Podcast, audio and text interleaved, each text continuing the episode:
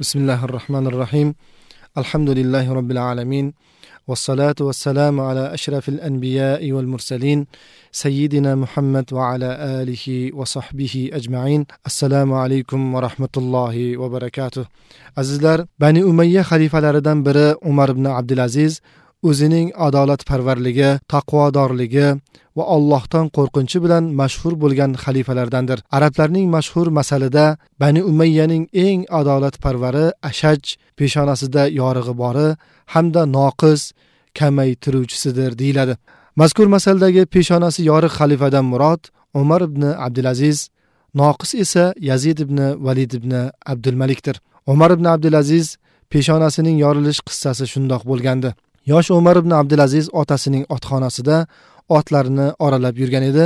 Bexosdan hurkib ketgan bir otning tuyog'i umarning naq peshonasini mo'ljalga oldi. Ot tepgan bolasining peshonasidan sizib chiqayotgan qonni ko'rgan onasi umarni bag'riga bosib yig'lar va otasini koyib shuncha javrashimga qaramay to shu kungacha bolamizga qaraydigan bir tarbiyachi yollamadingiz. Mana endi bolaning ahvoliga qarang. Noshudligimiz sabab peshonasi yorildi. Ish qilib bolaga biron kor hol bo'lmasinda dedi.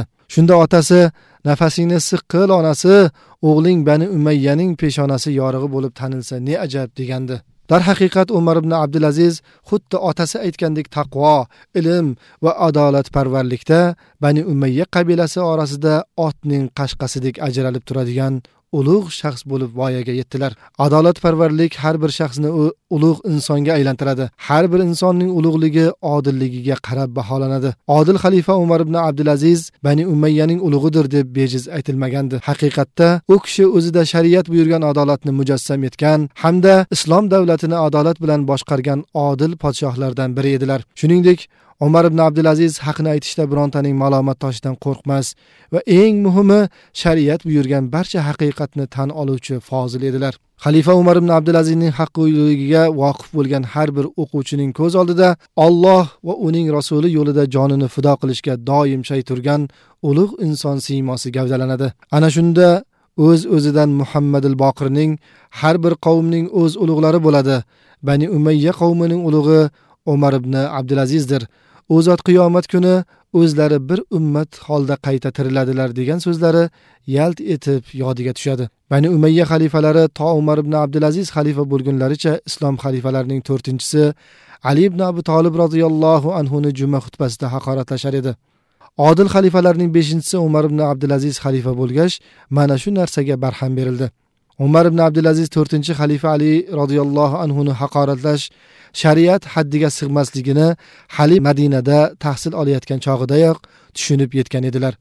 Aniqrog'i umar ibn abdulazizning bu yo'ldan qaytishi va ali ibn abu tolibni yaxshi ko'rib qolishi shundoq bo'lgandi. Madinada tahsil olayotgan chog'larimda bir kun bilmasdan ali roziyallohu anhu haqida nojo'ya so'z aytib yuborgan ekanman deb hikoyasini boshlaydi umar ibn abdulaziz. Buning xabari shayxim ubaydulloh ibn abdulloh ibn utbat ibn masudning qulog'iga chalinibdi. Bir kun u kishining huzuriga bordim. Qarasam u kishi namoz o'qiyotgan ekanlar. Odatda u kishi namozini juda uzoq o'qirdilar. Namozlarini tugatgunlaricha intizor qilib turdim. Salom bergach menga qarab alloh taolo ahli badr va bayati rizvonga hozir bo'lgan sahobalardan rozi bo'lgandan keyin ularga yana g'azab qilganini qayerdan bildingiz? dedilar. Bu haqda hech narsa eshitmaganman dedim men. Undoq bo'lsa menga yetgan sizning ali roziyallohu anhu haqida aytgan so'zlaringiz yolg'on ekanda dedi shayxi ubaydulloh. Men u kishiga men ollohdan ham sizdan ham uzr so'rayman dedim.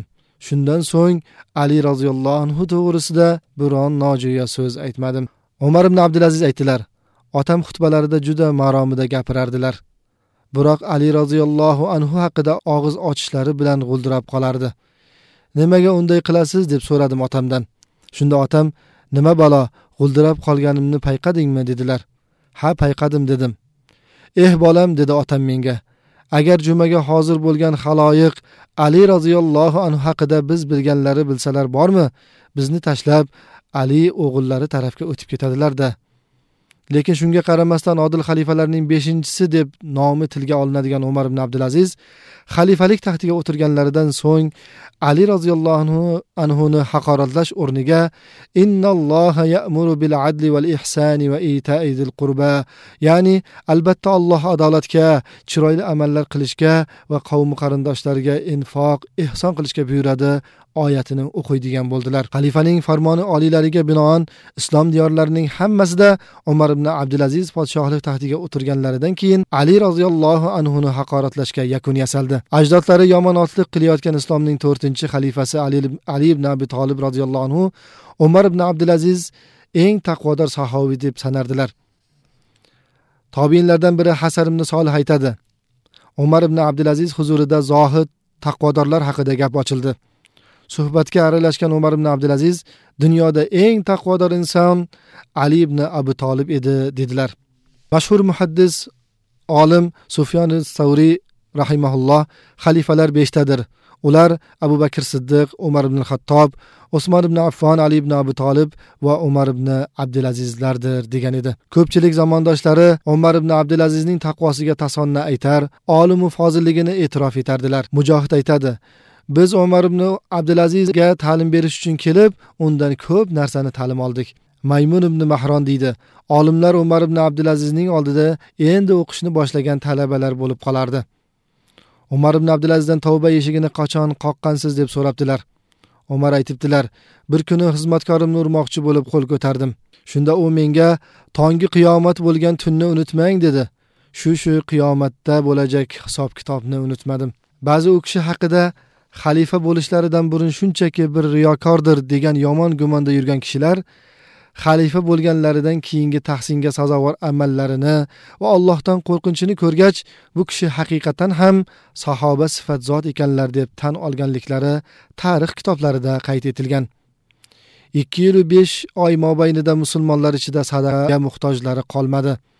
Barcha raiyatning qorni to'q usti but bo'ldi. Mazlumlar deyarli yo'q edi.